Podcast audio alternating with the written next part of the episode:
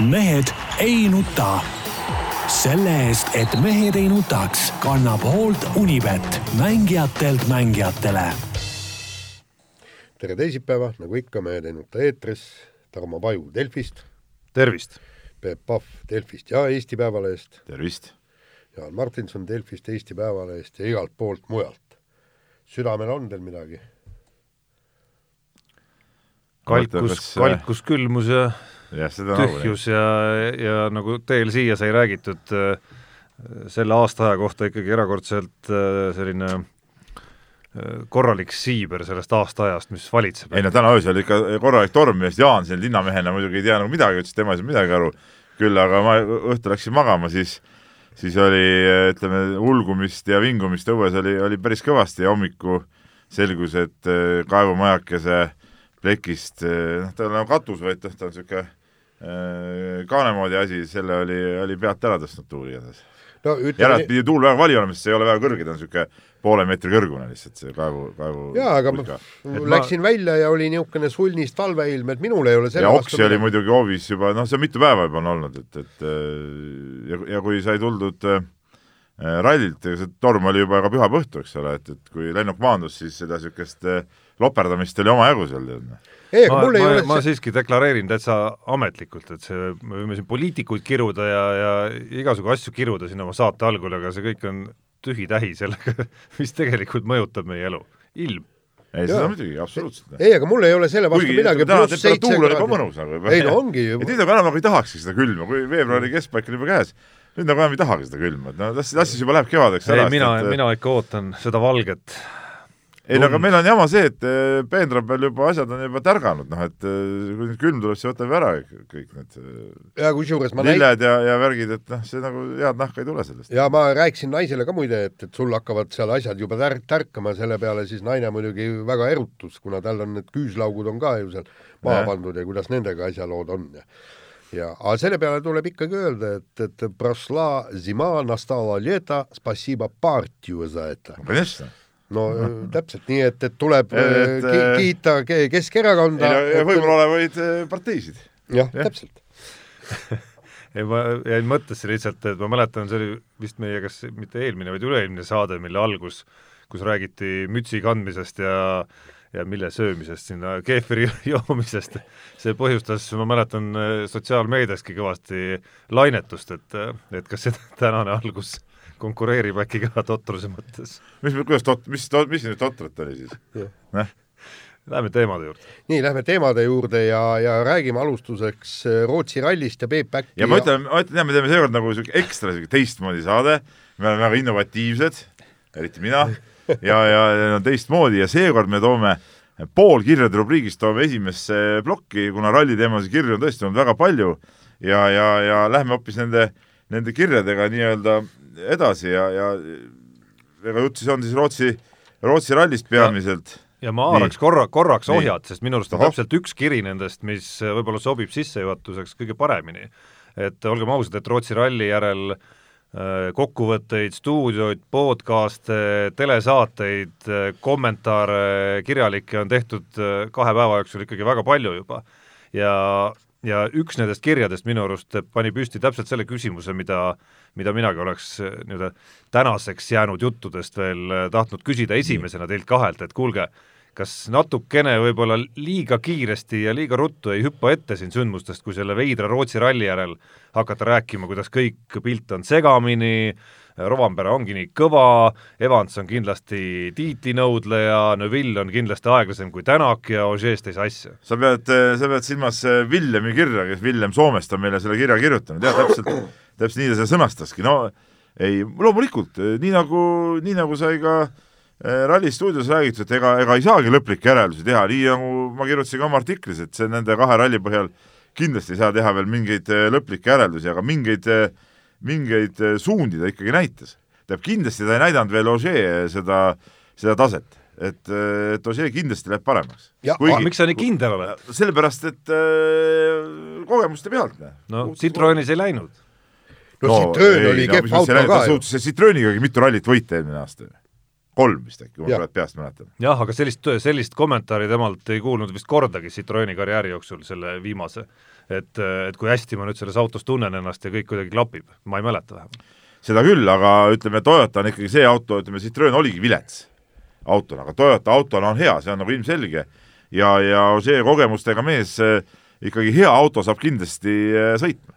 selles ja, mõttes ei kahtlegi. ja näiteks üks vastus on see, et, et, et jutt Kalle Roandperast ja ta ongi kiire, ta, ta ongi kiire vend, täpselt nii, nagu omal ajal oli Ott Tänak, kui ta ju tuli ralli MM-sarja. ja, ja Ott Tänak, noh, ütleme, et tal juhtus ehk liiga palju, aga see ilmselgelt on Kalle Roandperal seda kogemust rohkem, eile kui ma tänasesse lehte artikli tegin, kui ma vaatasin, kui palju ta neid rallisid on sõitnud, ta on peaaegu seitsekümmend rallit oma üheksateist eluaasta jooksul sõitnud, kakskümmend üks nendest on MM-rallid ehk siis pikad rallid, okei okay,, alati ta ei jõudnud finišisse, aga see selleks. ja peale selle nelikümmend kuus vist oli, oli väiksemat rallit tal on tohutult kogemust, tohutult tegelikult kogemust ta ei ole, ei saa öelda, et, et vend lihtsalt täiesti lampi tuli ja hakkas nüüd paugutama, ei, absoluutselt ta ei ole nagu klassikaline uustulnuk, nii nagu ma ei tea, Luka Doncic ei ole klassikaline uustulnuk NBA-s, kui ta on juba koondise viinud Euroopa meistriks ja, ja, ja, ja klubi viinud Euroliiga meistriks. ja olnud MVP finaalis, eks. jaa, aga sa-, samas on selge, et, et Kalle Roandpera ei löö tänavu ja võib-olla ka järgmine aasta seal lahingut MM-tiitli pärast ja, ja ta ise jäi ju ka jalgadega maa peale ja ütles, nüüd algavad kruusarallid ja mul ei ole selle autoga vähimatki kogemust kruusa peal. et, et nüüd ütles, et ma olen täitsa kindel, et aeg-ajalt hakkab juhtuma. ei no kindlasti hakkab juhtuma, see on nagu loogiline, see näiteks ka eelmine hooaeg, nii nagu me rääkisime, eks ole. aga noh, mis, mis me rääkisime veel no, sellest kõik... Äh, Evansist, eks ole, noh, siis ega Evansi kiirus, ega siis see Eh, mida ta nüüd näitas, tead, ta näitas juba Montes seda, ta ei olnud nagu ainult Rootsi pauk, et ta ju tead ju, Montes oli ka kuni viimase päevani oli ju, ju väga hea. ta oli seal, liider ju. jaa, seal hakkas nagu see asi ära vajuma. noh, seal oligi, mina arvasin, et tal nagu hästi natuke ära vajuda, et Osee saaks mööda. ma olin siiamaani sellel arvamusel. no ma ei tea, mismoodi asjad tegelikult olid. aga, aga, aga see, et ta nüüd oli seal väga kiire, oli Rootsis väga kiire, no ma arvan, et äh, ma ei näe ühtegi põhjust, miks ta ei peaks olema Äh, tavalise kruusaralli kiire, sest ta on olnud kiire kruusarallidel. ja ta on vend, kes suudab ka asfaldi sõita. no just. et selles suhtes äh, no jääb veel Neville mingi..., kelle puhul minu arust jaa, selline maakandmine on küll natukene liiga varajane, arvestades, et nüüd on tohutu on... kruusarallide kaskaad tulemas. me ei ole teda maha kandnud, vaid ma räägin sulle veel kord eh,. Nii nagu ma kirjutasin juba reedeses vist selles eh,, ei, laupäevases päeva kommentaaris eh, ralli ajal, Neville ongi niisugune mees, täna on superluks, võidab homme võidab, võib-olla ka ülehomme võidab, tal on kolmene võiduseeria ka all, olnud, eks ole. ja siis korraga kukub ära ja nii ongi, noh, ja mingil hetkel ta järsku ei saa enam sõidetud. ja siiamaani on kogu tema karjäär on sedasi läinud. vajalikul hetkel, kui on tarvis nagu nüüd teha, eks ole, et nüüd on nagu tiitel käeulatuses, siis ta järsku ei suuda enam sõita. noh, sellelt stardipositsioonilt, mis ta oli muidugi ja selle lühikese ralli jooksul ütleme, ühe koha sisuliselt kaotas potentsiaalsega võrreldes. Eh, no jaa, aga ta ei suutnud ka teisel päeval, kui tal oli parem aga punktikatsel? no punktikatsel oli sõitis nagu mees muiste. sõitis nagu mees muiste jälle, jah. aga ma ütlen, noh suurt, noh ma arvan, et tal ei ole põhjust õnnelik olla. tal ei ole põhjust õnnelik olla. no aga siin on veel tegelikult äh, selle ralli teemadel on äh, juttu olnud ja, ja Marko kirjutas meile ka sellise küsimuse, et et äh, ta ei mäleta nüüd, kumb meist, kas Jaan või või äh, Peep Mina ütles, et Mägineni suhtlusoskus pole just maailma, maailma parim, seda ütles Jaan, tead, ma võin seda jah, ütlesin jah. ometi ütles Tommi ühes ilusates intekas, et keemia või läbisaamine Toyota võistkonna sees, võistkonna siseselt on hetkel läbi aegade parim.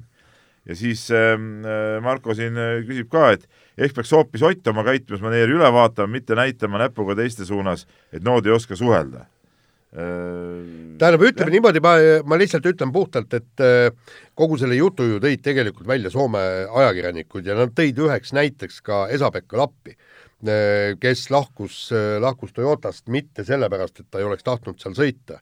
ta läks ju Citrooni eelmine aasta no vaid just sellepärast, et ta ei saanud Tommy Mäkineniga väga hästi läbi. ja, ja teine asi on ju see, et, et tegelikult need tippsõitjad, nad on ju kõik omamoodi fruktid Äh, ja, ja tippsportlased üldse.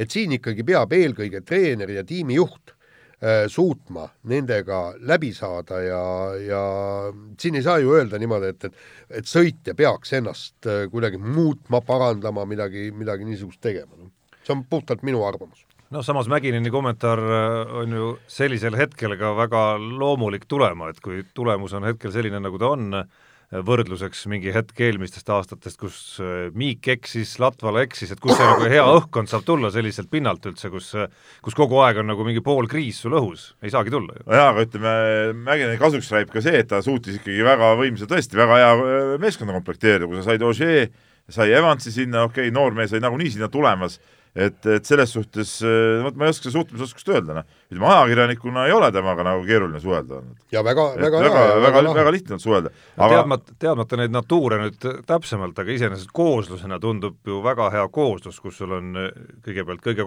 kogenum ja tituleeritum mees üldse ühelt poolt, siis on selline Evansi-sugune tüüp, kes on juba kogemust kogunud omajagu ja on sellise nagu ma ei tea, läbimurde äärel siis, ja siis on selline päris noor taganttulija, et, et see tundub nagu kooslusena ideaalne kooslus, kui sa pallimängudeski ja, räägid, siis just ja. räägitakse, et sul ongi vaja nagu igast sellisest äh, kohast nagu mingisuguseid või igas sektoris siis selliseid tüüpe endale meeskonda. jaa, aga samas, samas teine asi, ma ei ole kindel, kui, kui kaua see hea läbisaamine seal kestab, vähemalt noh, Tommy Mäkinen võib rääkida mida tahes Äh, Sebastien Ogier lahkus ju Citroenist mitte sellepärast, et ta sai sealt vähe pappi, vaid sellepärast, et see, ta ei tulnud selle autoga maailmameistriks. Ja nüüd on ta täpselt Toyotas ja seesama seis võibki täpselt samasugune olla, kui, kuigi mitte sellepärast, et auto on kehv, vaid sellepärast, et tema tiimikaaslased on paremad. Ja, ja siin ma ei tea, kuidas, kuidas nende jutuajamine pärast Rootsi rallit oli, kui, kui lasti noorel poisil võtta ära temalt äh, mitu head ja väärtuslikku punkti, punktikatsega, null koma viis sekundit äh, on vahet, tavaliselt ju äh,, tavaliselt selles olukorras on selge, et teine ja kolmas sõitja, no praegu on okei okay,, me, me ei saa öelda, kumb on esimene, kumb on teine, Ogier, Evans, aga vähemalt kolmas sõitja võtab hoo maha, et ei võtaks teistest punkte. aga nüüd Mäkinen ütles poisile, et davai, anna aga gaasi. ja ma, ma arvan, et, et Ogier ei ole väga õnnelik selle üle jaa, aga, aga muuseas selle tiimide teemal ja, ja, ja Toyota Hyundai teemal on kirjutanud ka Aadu päris hästi, ma loeks siit ka nagu selle kirja natukese ette, et Aadu kirjutab siis nii, et mul on tunne, et minu arvamus Oti tiimivahetusest hakkab täide minema, Toyota võitis ja Ott kaotas päris palju. muidugi Rootsi ralli põhjal ei saa suuri järeldusi teha, aga midagi ikkagi. Monte Carlos olid ju ka tegelikult Toyotad päris head ja tundub, et Ott on lasknud endale ikkagi jalga. Nüüd veel eriti tahaks teada, miks ikkagi Ott selle vahetuse tegi. Ja siin on kolm punkti ja siis, et kas ikka Märtin andis mehele halba nõu, mingi jutt oli siin R5 autode teenindamisest ka seotud rahast, rahadest ja mida praegu Märtini firma siis seal ka teeb, noh, Märtini ja Teot Tänaku ühisfirma on see muidugi. et noh, eh, loomulikult siin nende taustadel võivad olla hoopis need, eh, me oleme seda varem ka öelnud, et võivad need taustad olla hoopis, hoopis teised ja ei pruugi olla seotud ainult selle konkreetse sõitmisega, vaid mingi hoopis eh, laiema ja ja suurema pildiga, et, et see, see, selles suhtes ma olen Aaduga nõus, et need asjad, asjad võivad, võivad nii olla. Jaa, aga, aga teine küsimus on ju see, et, et me võime praegu rääkida, et, et Toyota või, võitis sellega, Tänak kaotas.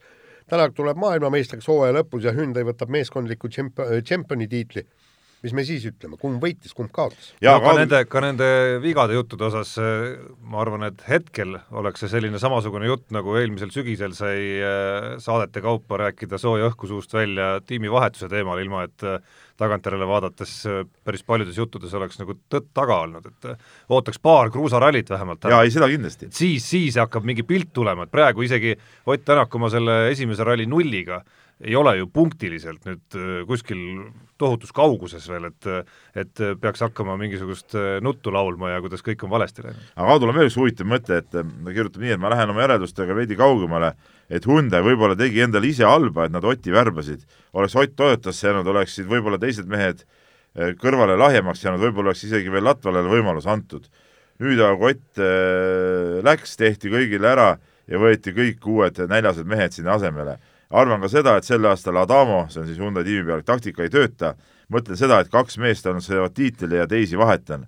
et Toyotal kõik mehed saavad ainult rallilt rallilt paremaks minna, mida rohkem kilomeetreid nad sõidavad, Hyundai'le saab lõpuks see veel saatuslikuks, sest ei ole Priin ega Lööb midagi teinud, eks ole näha, mida Sordo suudab, kui tema võimalus tuleb.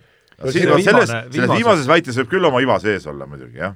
jaa, aga, aga, aga sii-, siin on jällegi teine küsimus, et praegu on äh, Hyundai, Toyotal on kolm meest, kes tõesti hoiavad gaasi põhjas. Hyundai'l on see, et üks vend kindlustab tagalat ja, ja me oleme ainult kaks rallit äh, läbi sõitnud. kui hakkab nüüd juhtuma, kui Kalle Romantpera ütleme, noh, juhtub midagi teelt väljas, nii, ja nüüd siis palun, eks kaks meest peavad vä- väga kindla peale sõitma, nii kui üks eest ära kukub, kohe on eelis selle Hyundai'l, aga Hyundai'l on alati kindlustaja taga olemas.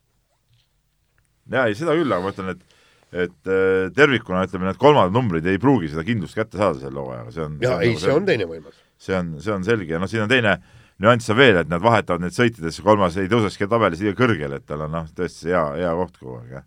no jaa, aga sama, samas noh, kui me vaatame lööbi äh, ikkagi Monte Carlo rallil, siis ta oli, tõesti oli kehv. oli tõesti kehv, jah. jah, ja, ja, ja nüüd ongi, kogu lootus on Sordol.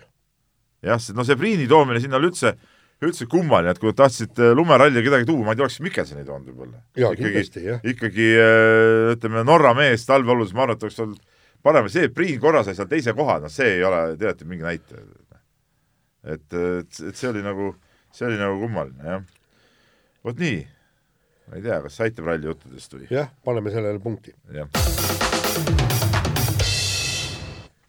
Läheme kiire vahemänguga edasi ja äh, selgub, et Valga Valka korvpallimeeskond äh, hakkab otsi vaikselt kokku tõmbama, saadi juba loobumiskaotust, sellepärast et ei suudetud mehi piisaval määral kokku ajada ja Peep on seda asja natukene uurinud, et, et ausalt öeldes jama värk vist. mitte uurinud, uurinud ja, ja ma olen seda Valga asja äh, aastaid jälginud ja mõelnud tead selle peale, et minu arust Valga mehed on ise tegelenud äh, piltlikult öeldes ko- ütleme stabiilselt enda jalgade alt ära saagimisega, et ist-, istuvad maas, käsisaag on käes ja nüsivad oma, oma koibasid ja nüüd on nagu siis tulemas käes, et et nüüd on nagu kondid juba, juba, juba läbi tõmmatud.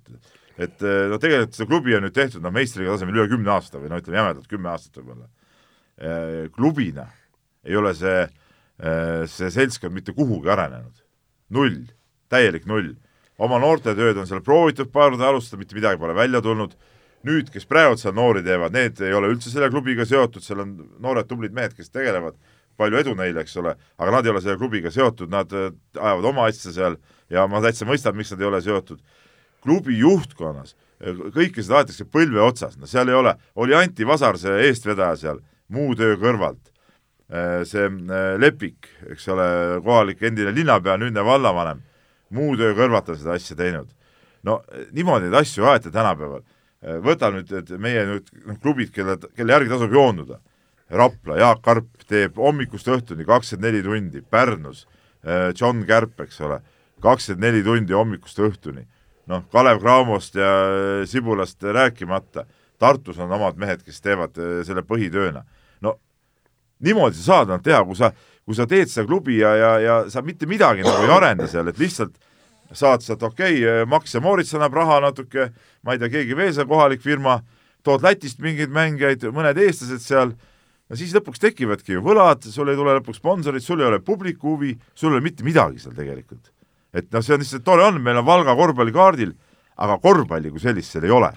No isegi esindusmeeskonna praegusel kujul on seal nagu Eesti korvpalli jaoks noh, sisuliselt on Läti võistkonnaga ei no seal on Eestis, tähendab alles praegu Rain Raadik. Rain Raadik ja üks äh, noor poiss on seal veel, eks ole, noh, Chris Herman või mis ta nimi oli, eks ole. no vot, no ta ei ole põhimõtteliselt, pole üldse platsil käinud kordagi. et seal rohkem nagu Eesti mehi polegi praegu.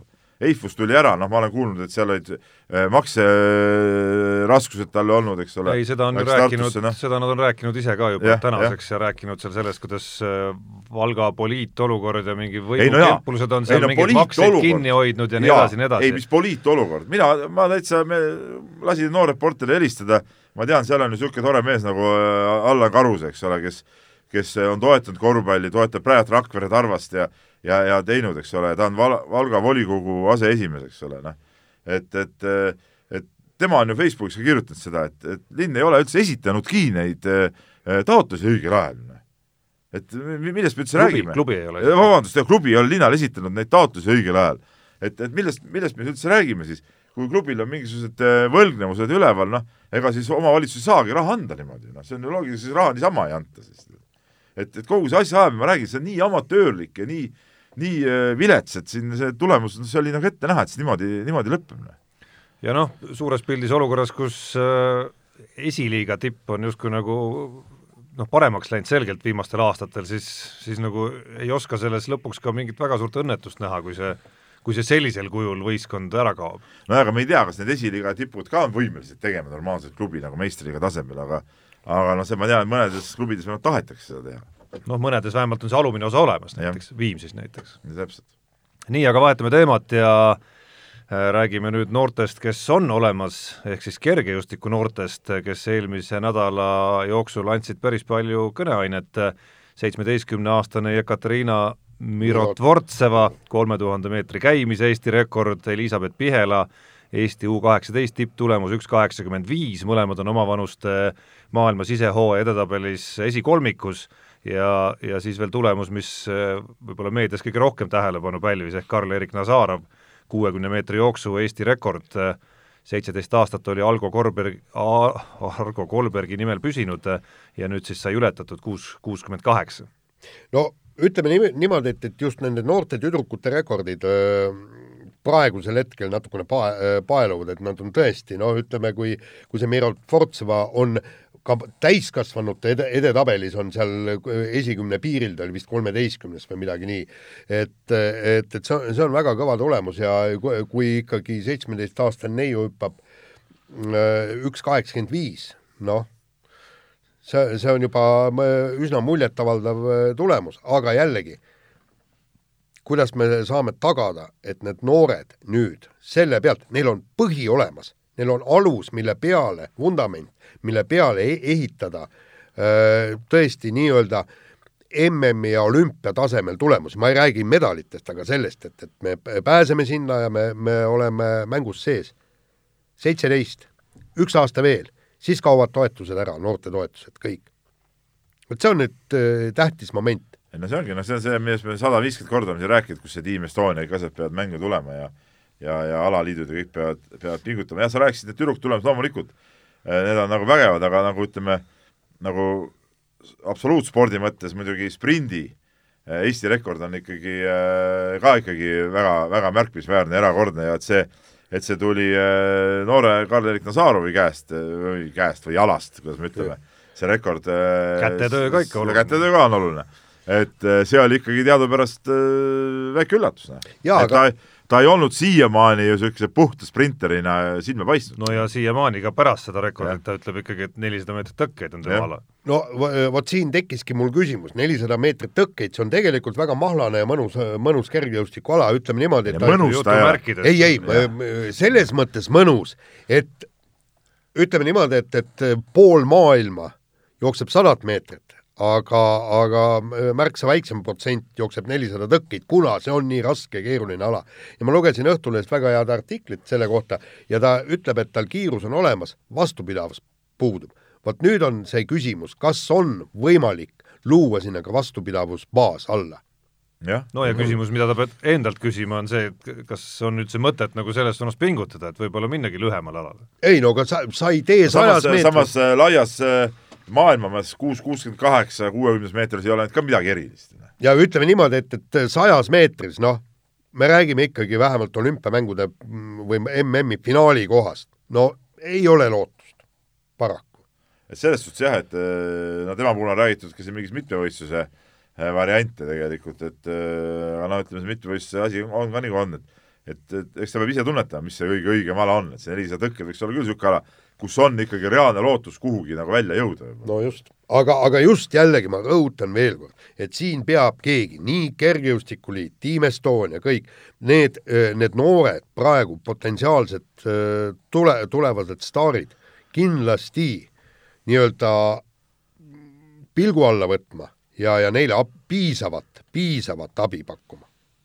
Nii, aga huvitav on seis ka Eesti jalgpallis, mõnes mõttes rõõmustav, mõnes mõttes kummastav Itaalia kõrgliiga klubi sõlmis eh, eelmine nädal siis profilepingu kaheksateistaastase Georgi Dunjoviga, kes on Eesti jalgpallur siis teadupärast, aga tipptasemel Itaalia meistriliiga, aga Eesti koondisse noormees ei mahu. mis on kummaline ei no jaa, aga noh, tähendab ütleme niimoodi, et, et ju siis meie koondise peatreener vaatab, et noh, et itaallased astusid omadega täielikult ämbrisse, no miks, miks on vaja mingisuguse eestlasega mingit lepingut no,. parem võt-, võtame sealt kuskilt Norra kolmandast liigast. jaa, ei absoluutselt ja no., ja no me ise ju rääkisime sellest äh, vist kaks saadet tagasi ja, ja tegelikult kõik Eesti jalgpalliajakirjanikud hekseldasid ka selle teema läbi, kas või meie enda Futboliidi aga no nüüd tuli see profileping sinna otsa, nüüd tuli see profileping otsa, ma kusjuures kuulasin, äh, kuulasin äh, Futboliidis selle arutelu nagu ära ikkagi. Ja, ja tajusin seda, et, et ühest küljest ollakse justkui Karel Voolaidi äh, ka sama meelt, et, et see, et ta sai paaris mängus veel väljakule, see, et ta sai väljakule tegelikult mitte oma õigel positsioonil, et et see, et see ei näita veel, et see Itaalia meistriliiga tase olekski tal olemas. ja sellega ma olen iseenesest nõus, aga kui Raul Ojasaargi selles podcastis äh, kuidagi viskas nii, et et, et see ei tähenda, et siin, et seal olemine ei tähenda, et nüüd mehel peavad koondise uksed valla olema, siis ega seda ei nõuagi keegi ju, nõuab ju seda, et et mängudes Uus-Kaledoonia ja mis iganes vastastega meil siin ees seisavad, et ta vähemalt tasuks ju mehele nagu pilk peale panna, et mis ta siis oma positsioonil täpsemalt suudab, et ma jääks selles mõttes endiselt nendega eri meelt, et et see on ideaalne võimalus proovida, kas või kakskümmend minutit mõne mängu lõpus või kas või saada ta trenni ja näha, mis ta trennis teeb.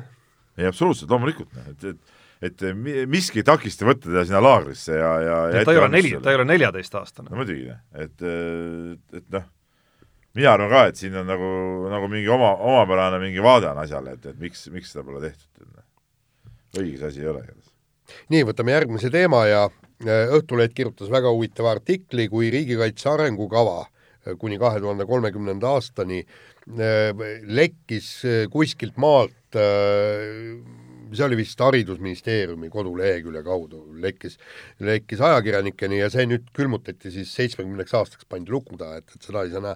ja, ja, ja seal siis äh, selgus, et Eesti noored mehed on ikkagi vaimselt ja füüsiliselt äh, ääretult nõrgad ja see on tõsine probleem meie kaitsevõimet silmas pidades ja siis äh, äh Õhtuleht tegi kindral Laaneotsaga tegi väga suurepärase äh, intervjuu ja, ja, ja ta kinnitas seda kõike fakti ja, ja ütleb, et vahel lööb väi-, viha lööb välja, kui vaatad praeguseid noormehi nagu silguniisad, õlad on öö, kitsamad kui taguots.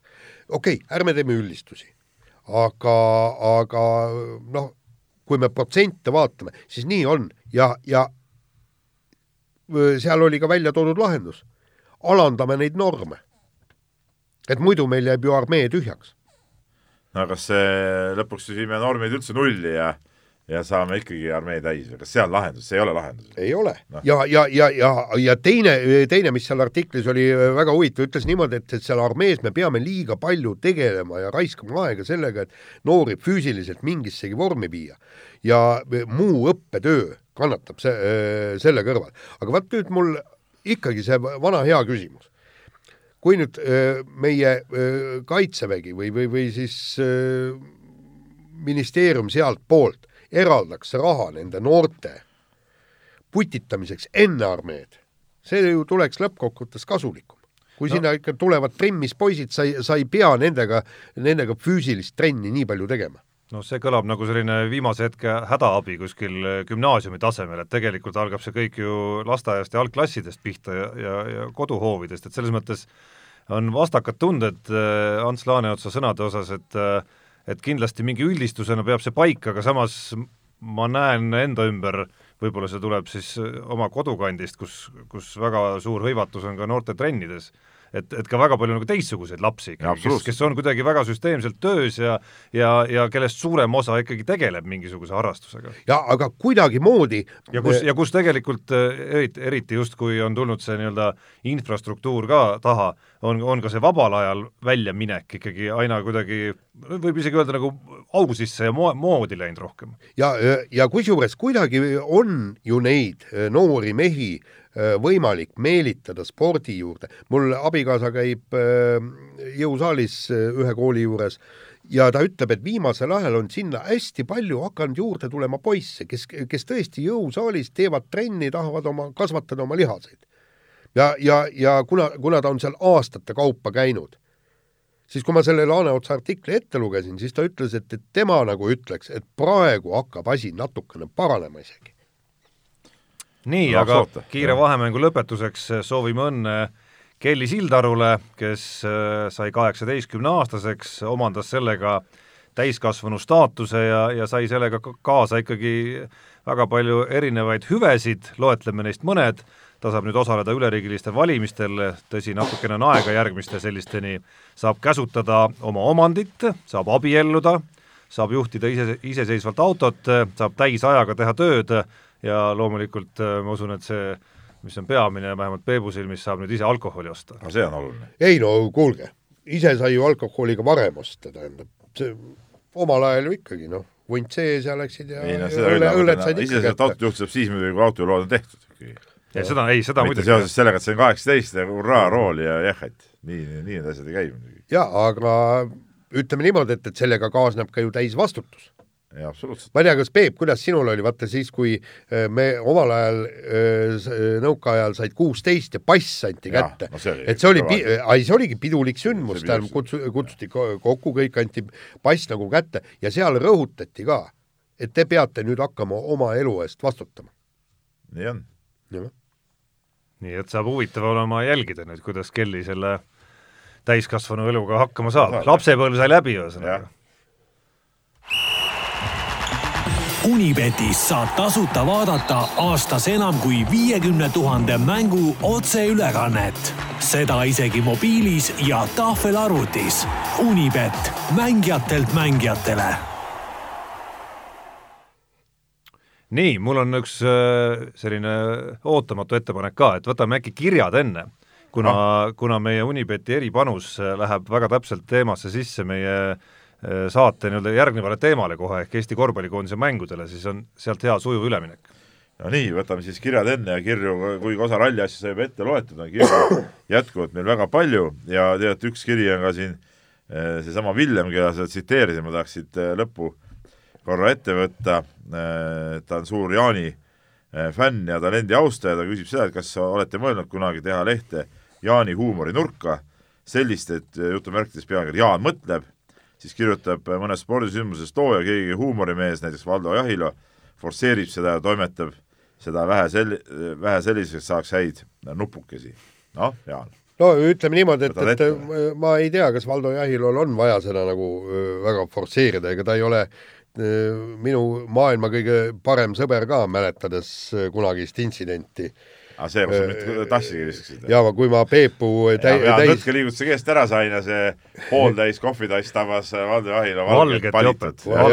ja kusjuures ma, ma olin jah valmis selle keemilise puhastuse kinni maksma, aga Valdo Jahilo seda äh, ei soovinud, aga äkki ta tegi nalja, et ta ei soovinud? ei noh, jah no, no ühesõnaga, mina selle pappi välja ei käinud ja ma ei tea, kas tal see valge jope on alles ja Peepu ma ka enam kohvitassiga pillu, ma olen vanemaks ja niisugune rahulikumaks muutunud. ta ei julgegi oma suurt ülemust kohvitassiga pilduda. no tead kui sa tuled, tuleksid mind taas malemängu ajal torkima, kui mul on otsustav seis peal ja mingi kümme-viisteist sekundit mõtlemisaega no,, si siis virutaks uuesti. aga hea närvikavaga mees, ütleme, teeb käigu rahulikult ära niisuguses olukorras. aga siis ma ei olnud nii hea närvikavaga. ei lase ennast kõrvalistest asjadest häirida, eks ole. aga siis ma ei olnud nii hea närvikavaga. ei no kui naljanurgast rääkida, siis Jaani naljanurka saaks muidugi enamgi asju kui see, mida Villem seal välja pakkus, et äh, ma kusjuures äh, alles üks päev, ma ei mäleta enam, mis see ajend oli Äh, kas ajakirjanduspärlitest jäi mingisugune Elu24 mingi veider tõlge ette, mille keegi lugeja oli välja toonud või, või midagi sellist, aga otsisin üles ja täiesti veebiavarustes on olemas, soovitan soovitan kuulajatelgi guugeldada äh, surnud puuma nimelist märksõna ja ja siis vaadata, et huvitav, mis selle uudise juures võiks, äh, see on Õhtulehe arhiivis avaneb, mis selle äh, uudise juures võiks omapärast või, või natuke naljakat olla. või natuke valesti olla nii äh,, Leopold Ludvig Käpard on kirjutanud meile pika jutu siin äh, Pireuse ja Vasalemma äh, sõpruslinnade sidemest äh,, millest ma ei olnud täpselt teadlik, aga aga Leopold äh, teab täpsemalt, aga ta, tegelikult kogu see kirja mõte on see, et küsida niisuguse asja nagu Pireuse olümpiaakose ehk siis euro Vasalemma ei ole linn muidugi, täpsustame alustuseks. aedlinn. ja Pireus ei ole ka linn, tegelikult on ju Ateena, Ateena serv kuidagi. eeslinn või linnaosa. no mõlemad aedlinnad. aga Vasalemma nimetati vanasti aedlinnaks tegelikult, äh, esimese vabariigi ajal. nii, aga, aga äh, küsib, küsimus on tead selles, et Pireuse olümpiaakosest Euroliiga korvpallimeeskonnast, kes siis teadupärast ei mängi Kreeka meistrivõistlustel ja ta küsibki, et, et kus nad siis mängivad, et kas ainult Euroliiga mängu, kaua neil on garanteeritud leping seal ja kaua, noh, kaua see veel kestab, eks ole, ja mida nad igapäevaselt teevad, et kas nad mängivad kuskil kolmandas, teises või esiliigas, et või, mängib seal seda duubeltiimi, mismoodi see asi, asi üldse on. minu teada, nii palju kui mina tean, nad mängivad mingeid sõprusmänge vahepeal, pluss siis Euroliiga mängud, et neil mingit eh, esiliigat, teist liigat seal ei, ei mängita. noored mängivad madalamat liigat. no noored võib-olla jah, aga, aga mitte, mitte need põhimehed.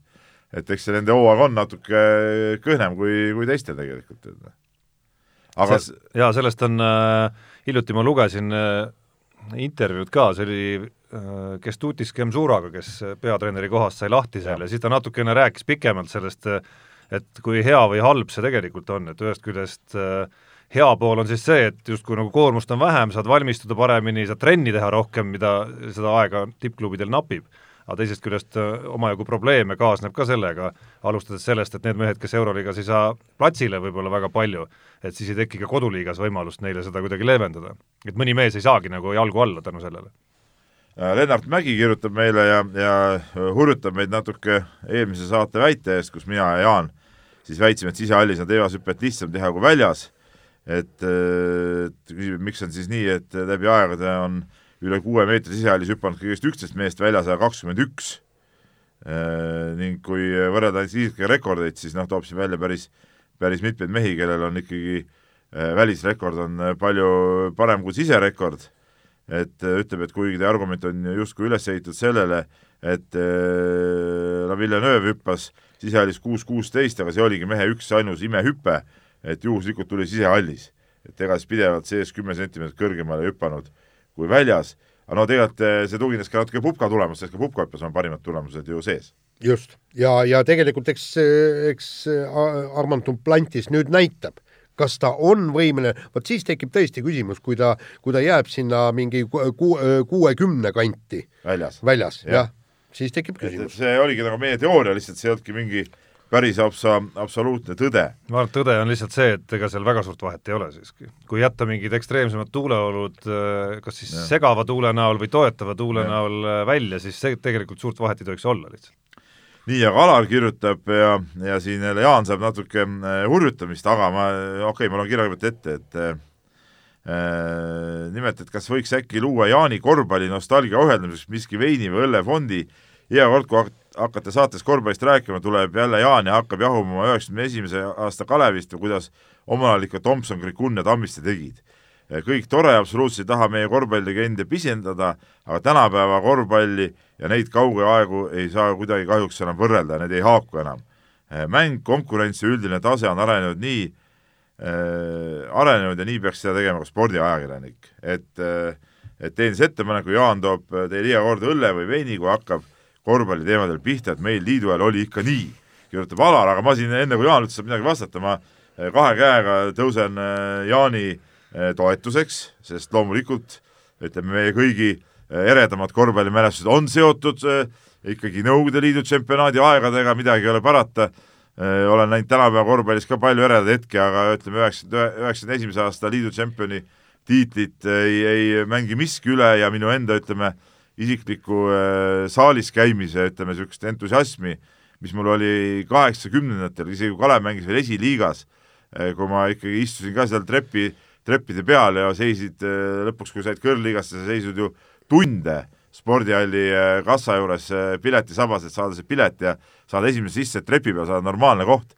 siis vot need on ikka need asjad, millest me peame rääkima, et, et et see praegune tilulilu on kõik tore, aga noh, see ei ole võrreldav, grammigi võrreldav sellega, mis oli tol ajal tegelikult ja ja nii paraku on, nii et siin, siis siin ma, seda, seda fondi nagu ei tule. ehk siis ma täiendaks seda ettepanekut, mis iseenesest oli väga sümpaatne ettepanek ikkagi, mis puudutas seda ei no õlut ja veini võib ikka võtta. aga ei, ma laiendaks jah. seda ka ikkagi, et et see reegel kehtib nii Peebule kui ka Jaanile, et kui nad hakkavad neid vanu nõukaaegu meenutama, siis nad toovad mõlemad mulle lihtsalt. tähendab, minu, minu on ka nii, uuel ajal häid elamusi. mitte nii häid ei ole olnud ühtegi. oota, minu nii, nii-öelda meenutuste mõte on kogu aeg näidata seda, et kunagi, kunagi me olime sama head kui Leedu, me olime Lätist selgelt ees nüüd, kui äh, äh, Kalev Cramo mängis HKSK-ga, siis ma meie no, noorreporteritelt küsisin, kas nemad ka mäletavad üheksakümne esimese aasta mänge, kui äh, Kuusma vist oli neljakümne punktiseid kontserte HKSK vastu korraldas ja me panime HKSK-le kolmekümne punktiga ära. ehk siis Leedu on suutnud seda taset hoida. aga mikskipärast meie ei ole seda suutnud ja kui keegi tuleb meile ütlema, et, et see on normaalne, et meie ei ole mitte Euroopa kuuendad ega ei suuda MM-il mängida ega olümpiamängudel mängida, siis mul on kogu aeg küsimus, miks Leedu seda suudab, kes oli öö, nii üheksakümnendatel no okei okay,, üheksakümnendatel hakkas juba Leedu vaikselt eest ära minema, aga kaheksakümnendatel, seitsmekümnendatel oli sama hea kui Eesti.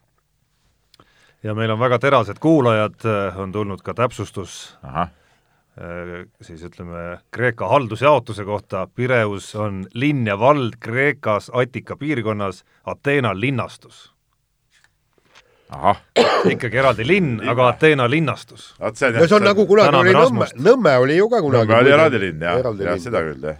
et ütleme seal, ütleme siis Ateenast Pireusesse sõites, aru muidugi ei saa, et vahepeal uus linn. ta on ju linnast, ei saa ei saada Eh, ja Kalmer kirjutas meile ja ta hurjutab meid, palju hurjutatakse meid seekord, eh, hurjutab ka meil eelmise saate eest, kus me siis eh, noh, Jaan kõigepealt, aga, aga meie teised ka pragasime Eesti politseiga, kes siis trahvis, mäletate seda sünnitusele kihutanud isa ja, ja ja räägib siin ikka seda, et, et, et noh, niisugune kiiruse ületamine on täiesti lubamatu, et julges pakkuda, et kõnealune kiiruse ületamine võis olla umbes seitsekümmend kilomeetrit tunnis, teate vist siis saja kolmekümnega.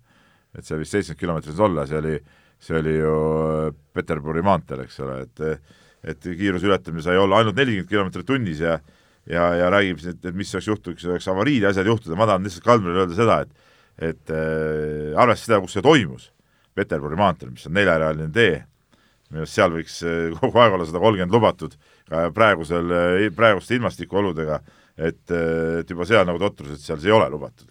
Ja, ja loomulikult sada kolmkümmend kilomeetrit tunnis Peterburi maanteel ei ole mingi kiirus, et kui seal on sada kümme märgid, siis keegi alla saja kolmekümne nagunii mitte kunagi ei sõida. et see on nagu, see on nagu ilmselge. ja see on esimene asi, teine asi on see, kui sa tahad niivõrd väga trahvida, kas sa tea, saad aru, et, et parasjagu on üks naine sünnitamas ja arste seal juures ei ole, siis pane vilkurid peale, võta mees kaasa, kihuta sinna, võta see sünni, jah, ja pärast tee trahvi, kõigepealt aita see ajast ja, välja, vot siis räägime trahvist. mis oleks, kui seesama kümneaastane poiss olekski koos, koos siis sünnitava emaga seal nagu hätta jäänud ikkagi. ma saan aru, et isa oli, liikus nagu nii-öelda kiiremas graafikus äh, ju siis oli lähemal, kui kiirabi sinna kohale jõudis, et lõpuks no. nad jõudsid suht ühel ajal. no siia hurjutatakse sellest, et vist autol oli tehnoülevaatus tegemata, eks ole, seda ka vist ühes kirjas siin meile mainiti, aga et, et tehniliselt mittekorras autoga, ma rõhutan, tehnoülevaatuse puudumine tähendab seda, et auto on tehniliselt mitte korras muidugi.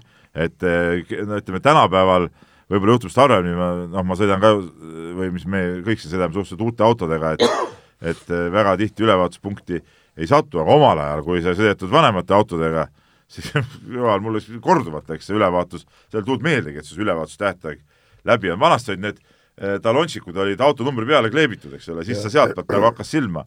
Aga, aga pärast, kui need ära kadusid, siis ei hakanud silma ka enam olema ise sõitud, kinni peetud, et oi, teil on siin kolm kuud üle läinud, mis siis, ega mu auto tehniliselt mitte korras seepärast ei ole, et, et et see ei ole tegelikult mitte mingi näitaja, tehnoülevaatuse puudumise tõttu sõitmine on üldse minu arust üks väiksemaid rikkumisi üldse, mis, mille pärast kisa teha. ja, ja kogu jutt on see, et, et okei okay,, tal olid probleemid, ta ületas kiirust tehnoülevaatus äh, tegemata. aga hetkeolukord oli midagi muud. just, ja praegu me räägime ikkagi sellest, et selle asemel, et pidada kinni ja hakata mingisuguseid trahve tegema, oleks pidanud vilkurid sisse panema ja kihutama sinna sünnitust vastu võtma. no seda on politsei ka ise tagantjärele öelnud. jaa, ei seda küll no,. pluss, mida on meil oluline märkida, just, mida on minu arust oluline veel märkida, et muidugi ei, ei propageeri ka Peterburi maanteel loomulikult mitte saja kolmekümne, mis iganes, sellega sõitmist, kui eeskätt eeskirjade järgi on üheksakümmend või sada kümme, aga näidake nüüd seda isa, kes selles olukorras ei kihuta koju peale on see, et kui sada kümme on, et siis sa seda. panedki endale auto selle peale, nad panevad kuni kakskümmend üle, vaata, see on nagu eluaeg niimoodi olnud. kuule,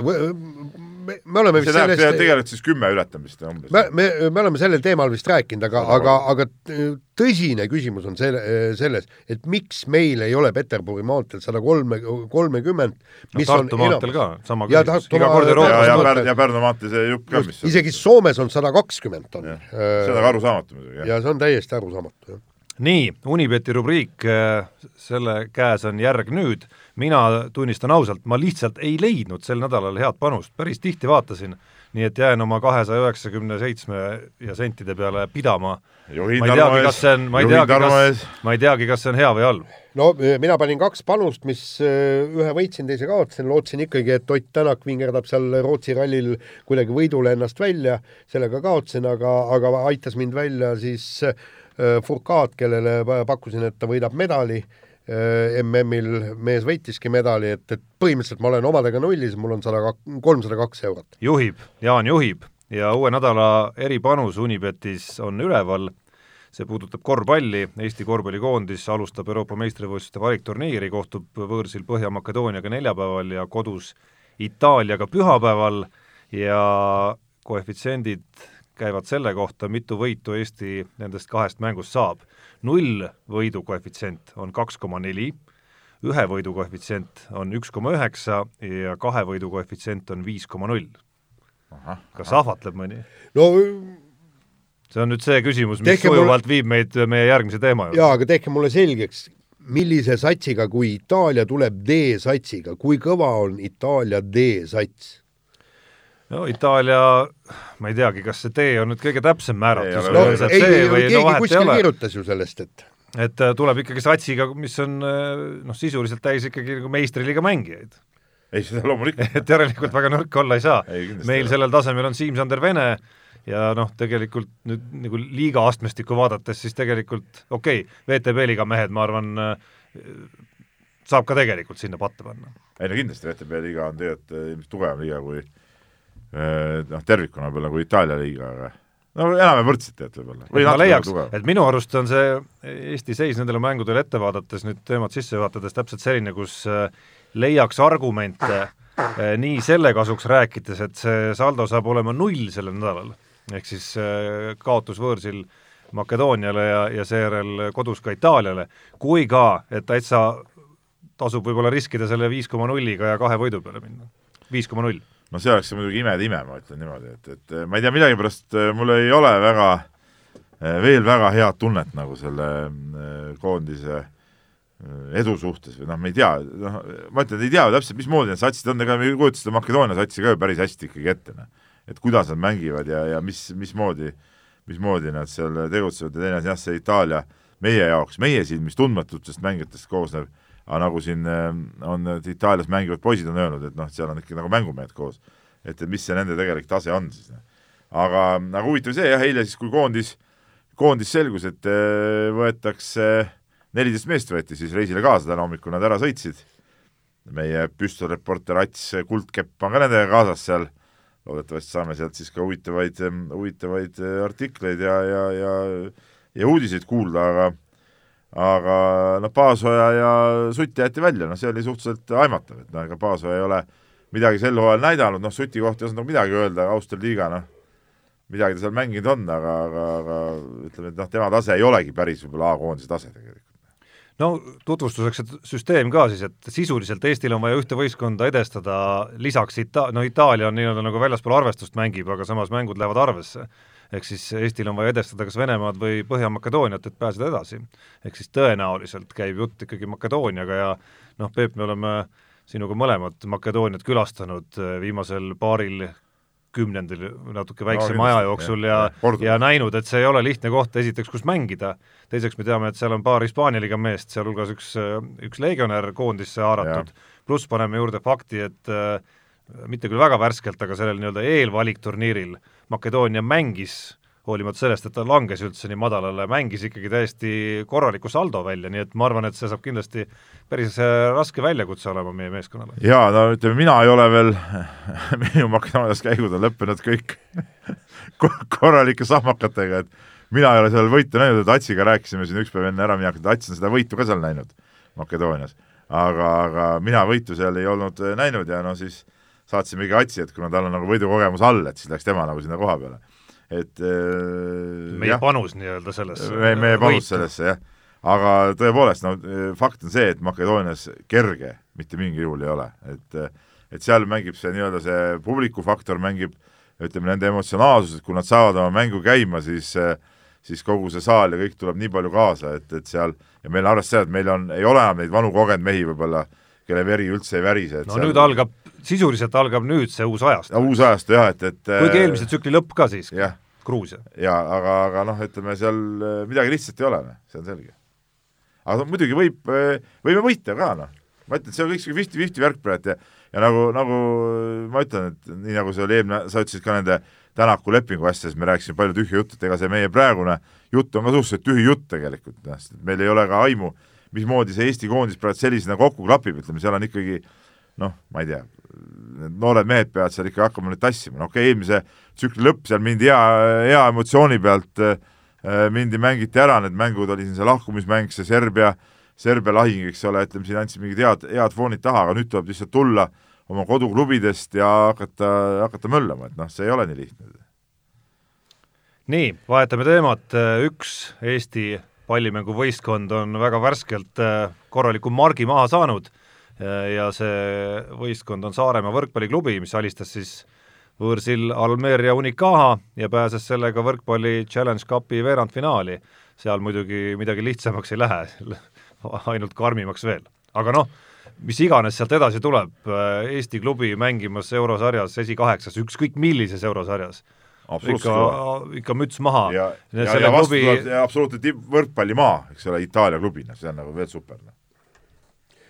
No ega siin muud ei oskagi öelda, noh, tähendab lootust, et, et me veel edasi jõuaks nelja hulka, seda, seda ilmselt ei ole, aga aga tegelikult eks ma tahaks kunagi näha, et, et meie, meie mõni ol, olgu see võrkpalliklubi, no jalgpalliklubi ei tahaks nagu uskuda, aga või korvpalliklubi, kes hakkaks tõesti mängima nagu nendest no nagu kunagi oli, oli see, oli see, mis ta oli, aga Final Four'ime Tartu Rock jõudis. No aga võrkpallis ka, ega Pärnu sats, ma mäletan äh, meistrite liigat mängis. üks oli meistrite liiga, aga nad enne seda ühel hooajal minu arust, äh, üks hooaeg enne seda jõudsid ka selles madalamas äh, sarjas jõudsid ka veerandfinaali ja seal oli, oli väga, väga tulised lahingud, vaid ma siis kirjutasin tol ajal võrkpallist väga palju ja ja käisin seal kaasas ka, et need olid, need olid vinged ajad ja, ja kui ikkagi no see euro, eurosarjade asi on ikka eurosarjade asi, siin pole midagi ütelda, et see on, see on nagu ikka huvitav ja, ja põnev. Noh. et noh, tahaks tegelikult mütsi maha võtta lihtsalt selle klubi eestvedajate seas, lugesin huviga intervjuud, Märt Roosna intervjuud Toivo Aldiga, selle klubi eestvedajaga, ja iseenesest väga muljetavaldav, ma saan aru, et tal on võib-olla lihtne olla nii ambitsioonikas, kui äh, haruldaselt hästi on äh, nii-öelda nagu rahaline vundament sellel meeskonnal all ja päris lõpuni vist ka keegi täpselt ei teagi, kuidas see on võimalikuks osutunud, äh, kelle abiga täpselt, aga see ja, ja kui kaua seda kestab, samamoodi ei oska ta isegi öelda, aga fakt on see, et hetkel on asjad väga hästi paigas ja, ja see töö, mis käib nii publiku suunal, mis käib selle ambitsiooni täitmise suunas, et nad on vist pea, ühed peamised huvilised, et laiendada seda Eesti liigat ka Soome poole, ja, ja kui küsimus kõlas, et et Soome siis ühel hetkel rääkis, et miks me ei võiks hoopis seal Venemaa klubidega mängida, nagu Kalev Cramo näiteks mängib, et, et äh, nii vähe, kui meil äh, klubi, suurtel pallimängualadel klubi tasemel on olnud võimalust ja on võimalust vastu hakata ja, ja midagi suurt teha, siis sellised üksikud äh, oaasid meie klubi spordi tasemel on ikkagi väga silmapaistvad ja, ja südant soojendavad, eriti kuna me näeme, et ka, et ka nagu rahvas on saalis ja elab kaasa sellele hästi. ja loomulikult, no oli ju ka fännklubi, kes sõitis Hispaaniasse kaasa klubiga, eks ole, et noh, seegi on juba, on ju oma, omaette näitaja. Nii, aga äh, käimas on ka üks suur tiitlivõistlus praegu taskus mm ja tõepoolest noh, rallil olles äh, ma võtsin ah, nii palju tahtsin nii. segada veel, et nagu Jaan alati ütleb, äh, tulemused näitavad alati, et kus on nagu õigus siis omamoodi see Saaremaa edu lahendas vist ka ära vaidluse treeneri vahetuse õigsuse või mitteõigsuse osas. no selles suhtes me ei tea, sest et nad eelmise treeneriga no. äh, läksid esimesest eurosarja ringist läbi, et noh, et võib-olla oleks sellega läinud. aga no see selleks, see on juba ka sulanud lumi, ma tahtsin minna ja ma ootan nüüd nagu Tarmo poolt nagu kiitust. kiitust? jaa, et ma olen, olen mulle, et ma olen ikkagi väga muutunud innovatiivseks. nii, nii kaasaegseks. vaatasid laskesuusatamist? ei no laskesuusatamist ma vaatan teadupärast alati, eks ole, see ei ole, aga kuidas ma seda vaatasin, Tarmo Mo? mobiili kaudu või? just, et ma olin rallil, nii, ja seal teatud asjad nagu kattusid, mul oli kompuuter lahti all live rallis, eks ole, ja kõrvale siis sättisin äh, mobiiltelefoni sinna niisuguse äh, püstiselt ja äh, on olemas äpp, Telia see no, mingi koduvärk, et sain, sain niimoodi minna oma sellesse kodupaketti, kohe ei saanud sisse, pidin helistama poisile, küsima mingit parooli, mida tema teadis, noh, see mingi PIN-kood, mingi tele, televiisori oma. sain sisse ja kõks, ühes kõrvas tuli telefonist mulle siis äh, laskesuusajutt, teises kõrvas tuli ralli jutt ja niimoodi ma vaatasin siis kahte asja seal no kui Armstrong kunagi kuule astus, siis ta ütles, et äh, see oli nagu väike samm tema jaoks, aga suur inimkonnale. antud juhul ma ütleks, et see oli nagu mõlemale ikka väga suur samm. ma arvan ka. aga ütleme, ütleme ma natuke ütlen, et tegelikult me hakkasime mõtlema, et, et äkki peaks endale selle äh, tahvli ostma, tead. et, äh, et kui on jälle vaja kahte asja korraga, vaata tahvli ekraan, telefon ikka liiga väike, tegelikult on ikka nagu kuradi nagu, vabandust, nagu kirbusitt. no uued on juba. Ei no mul on, mul on sama suur telefon kui sul, Tarmo, sa tead. Et ta on, seda küll on parem kui need need vanemad, aga no ütleme, vaadata sai, ma sain vähemalt ikka teada, mis toimus ja ja annan viis pluss kiituse ka.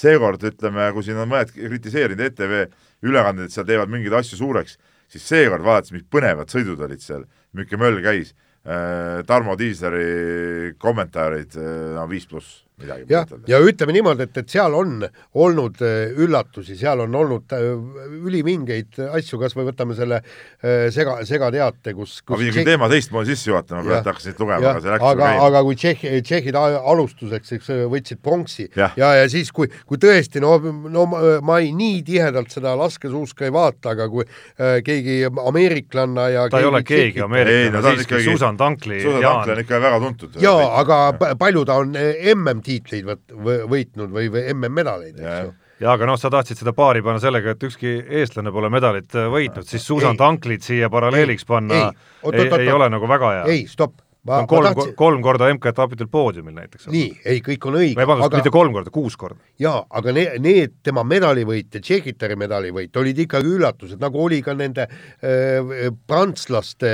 äh, kullavõidud kusjuures Foucault sai kahe distantsi peale ainult ühe pronksi.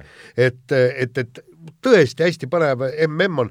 pluss siis intriig seal Loginoviga. ei olnud nad midagi nii üllatused, tegelikult see Prantsusmaal meeste poole peal terve viisik on väga hästi selle ei, on küll, nad on võimsad küll, aga noh, seda ikkagi arvatud, et nad eh, võtavad niimoodi ära, et äh, Norra vennad on üldse medalid, medali pealt väljas. ja, ja, ja, ja, ja kuidas, kuidas seal lõpp, lõpuspurdiga, kuidas selle pöö ära küpsetas, on ju. jah et, et tõesti mõlemad jäid seisma ja, ja, ja see oli vägev, aga no ma tahaks selle Loginovi teema ka tuua, mis, mis mind natuke häirib muidugi, jälle mind need Skandinaavia sportlased natuke häirivad, et kui jälle on mingi see äh, värk, siis nemad on alati need kisakõrid, et doping, doping, okei okay,, Loginov oligi pätt muidugi, siin pole midagi öelda. no EPO mehed on no,, EPO meeste aadressil ma usun, on täitsa okei okay, lõugu lõksutada. ei, seda küll, aga no kui on karistus kantud, no ta on äh, lubatud äh, võistlema, no mida, mis sa siis enam seal kobised, et noh kui ta on lubatud sinna võistlema.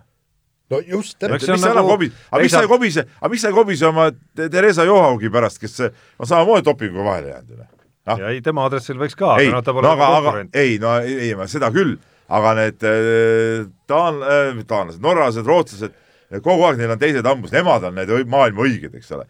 aga võta nüüd murdmaast needsamad Sundbüüd ja Johaugid ja kõik on nagu seal hädas olnud oma asjadega, noh mis praegu Rootsi spordis on toimunud viimase ajal dopinguga. jah, kahe et, nädala jooksul kolm sportlast vahele jääb. oma suu kinni ei ole vaja, inimene on karistuse ära kandnud, jah, mina ütlen ka, pätt igal juhul oli vähemalt, või võib-olla läinud paranemise teed, ega me ei tea ju seda keegi, noh. võib-olla ei ole. aga no hakata seal nüüd jaurama, et oh, et mul on siin medalid varastatud ja nii edasi, no see on nagu totter. see on totter. aga noh, kui selle jutu lõpetuseks äh, paar lauset eestlaste kohta ka öelda, siis äh, head nahka ei ole olnud. noh, kõik on olnud täpselt sellel tasemel, nagu, nagu selle hooaja varasemad tulemused on eeldanud, nii et äh, okei okay kogu, kogu, kogu kommentaar seni saab ja. olla lihtsalt. lasevad hästi, lasevad piisavalt kiiresti, sõita ei jõua.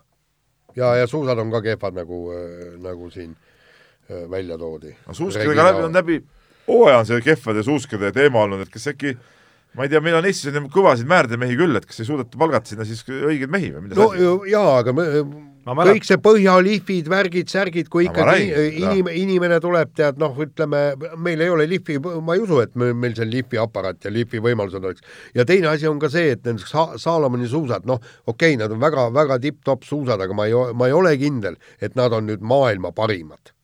ja, ja me, meil on äh, olemas nii-öelda tippklassi suuski sportlastel. samas ma mäletan ka mingit äh, MK-etappi ja võistlust, kus äh, vastupidi, äh, Eesti su-, nii-öelda suusapark ja määrdemehed said tohutu kiituse, et tänu sellele, et tänu sellele, tänu neile libiseti vastupidi väga kiiresti.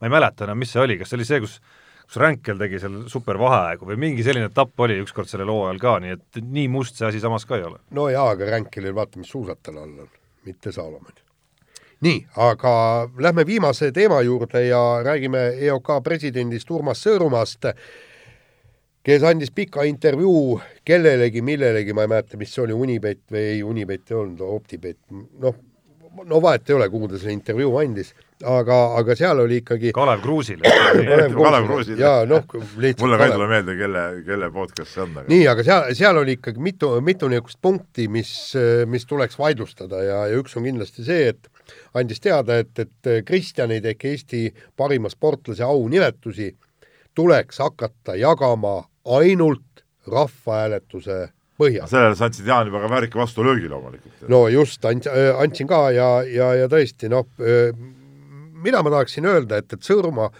ta on tore mees, aga ta ei jaga asja. ja, ja mitte, mitte ta ei jaga niivõrd üks asi, et ta spordiasja ehk ei jaga no teine asi on see, ta tahab nüüd kandideerida tagasi EOK presidendiks ja ma olen rääkinud alaliitudega ja alaliidu inimestega, nad muidugi on täielikult Urmas Sõõrumaa mõtteviisi ja kogu selle süsteemi vastu ja põhjusel, et kui me tõesti paneme selle rahvahääletusele, siis on selge, Ott Tänak, nii kaua kui ta sõidab, on öö, raudselt öö, parim meessportlane ja Kelly Sildaru või siis noh. Kontaveit, kaks varianti Kontaveit, nemad, nemad on kindlasti mitte kunagi ei võida Eiki Nabi ega Epp Mäe näiteks, olgu või maailmameistriks või ma ei tea, mida teha. just, ja sellepärast on nii maadlusliit kui ka vehklemisliit kui ka muud väiksemad alaliidud on selle süsteemi vastu. Nad tahaksid ikkagi seda, et öö, sporditulemus maksaks, aga, aga, aga mitte öö, mingisugune sähviv valgus ja viled, ehk siis kes rohkem ennast sotsiaalmeedias nähtavaks teeb ei no rahvahääletus on üldse on selle, jura tegelikult. minu arust selle rahvahääletuse miinuspool on just nimelt see, et see on selline nagu netipõhine ja selline nagu kampaania elemendid tulevad sinna sisse, aga idee ise olukorras, kus minu arust spordiajakirjanikud paar aastat näiteks ei ole nagu näidanud ennast väga adekvaatse hääletajana, mõeldes siin, mis riukaid on tehtud ja kuidas justkui otsustatud vaidlused on äh, avatud seal sellisel kujul, et ühed hääletavad ühe põhimõtte järgi Ott Tänakut ja teised teise Jaa, põhimõtte aga, järgi Ott Tänakut, siis, siis äh, mina küll ei oleks suur advokaat sellele, et, äh, et see praegune süsteem peaks sellisel kujul jääma.